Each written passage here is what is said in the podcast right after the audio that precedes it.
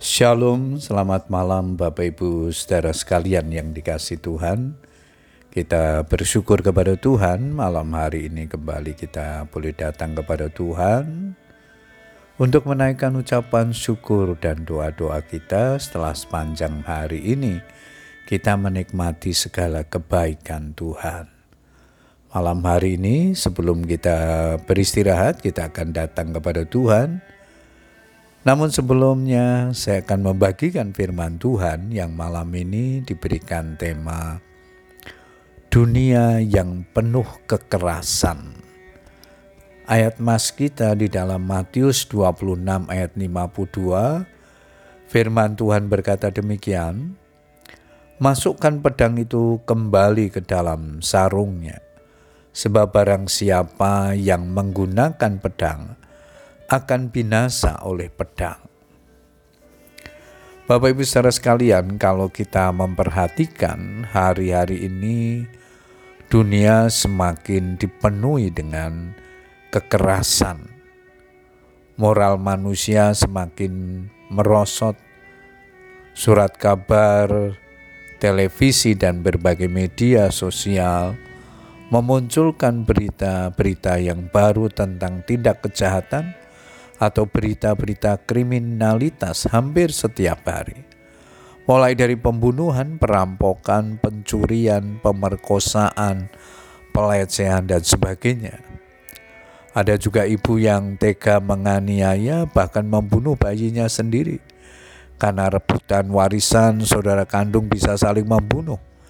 Ayah tega memperkosa anak kandungnya, ada pula anak TK menjebloskan orang tuanya sendiri ke dalam penjara karena berebut harta. Kekerasan seolah telah menjadi warna kelam kehidupan ini dan tanpa terasa dunia telah berubah menjadi tempat yang menakutkan.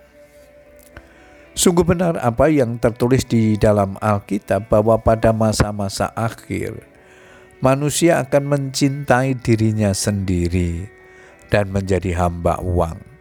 Mereka akan membual, menyombongkan diri, mereka akan menjadi pemfitnah, akan berontak terhadap orang tua, dan tidak tahu berterima kasih. Tidak mempedulikan agama, tidak tahu mengasihi, tidak mau berdamai, suka menjelekkan orang, tidak dapat mengekang diri, garang, tidak suka yang baik, suka mengkhianat, tidak berpikir panjang, berlagak tahu, lebih menuruti hawa nafsu daripada menuruti Allah. 2 Timotius 3 ayat 2 sampai 4. Dan karena makin bertambahnya kedurhakaan, maka kasih kebanyakan orang akan menjadi dingin.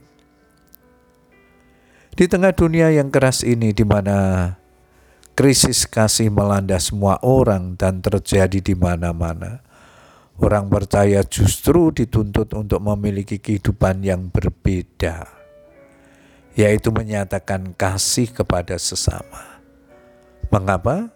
Karena Tuhan telah terlebih dulu mengasihi kita Bukan kita yang telah mengasihi Allah, tetapi Allah lah yang telah mengasihi kita dan yang telah mengutus anaknya sebagai pendamaian bagi dosa-dosa kita. 1 Yohanes 4 ayat yang ke-10 Barang siapa tidak mengasihi, ia tidak mengenal Allah, sebab Allah adalah kasih. Jika dunia berprinsip bahwa kekerasan adalah solusi terbaik untuk setiap persoalan, Alkitab mengajarkan prinsip yang berbeda kepada kita, supaya kita mengasihi bahkan kepada musuh-musuh kita. Puji Tuhan Bapak Ibu Saudara sekalian, biarlah kebenaran firman Tuhan yang kita baca dan renungkan malam hari ini menolong kita untuk terus memiliki kehidupan yang berbeda di tengah-tengah dunia yang semakin penuh dengan kejahatan ini. Selamat berdoa dengan keluarga kita. Tuhan Yesus memberkati. Amin.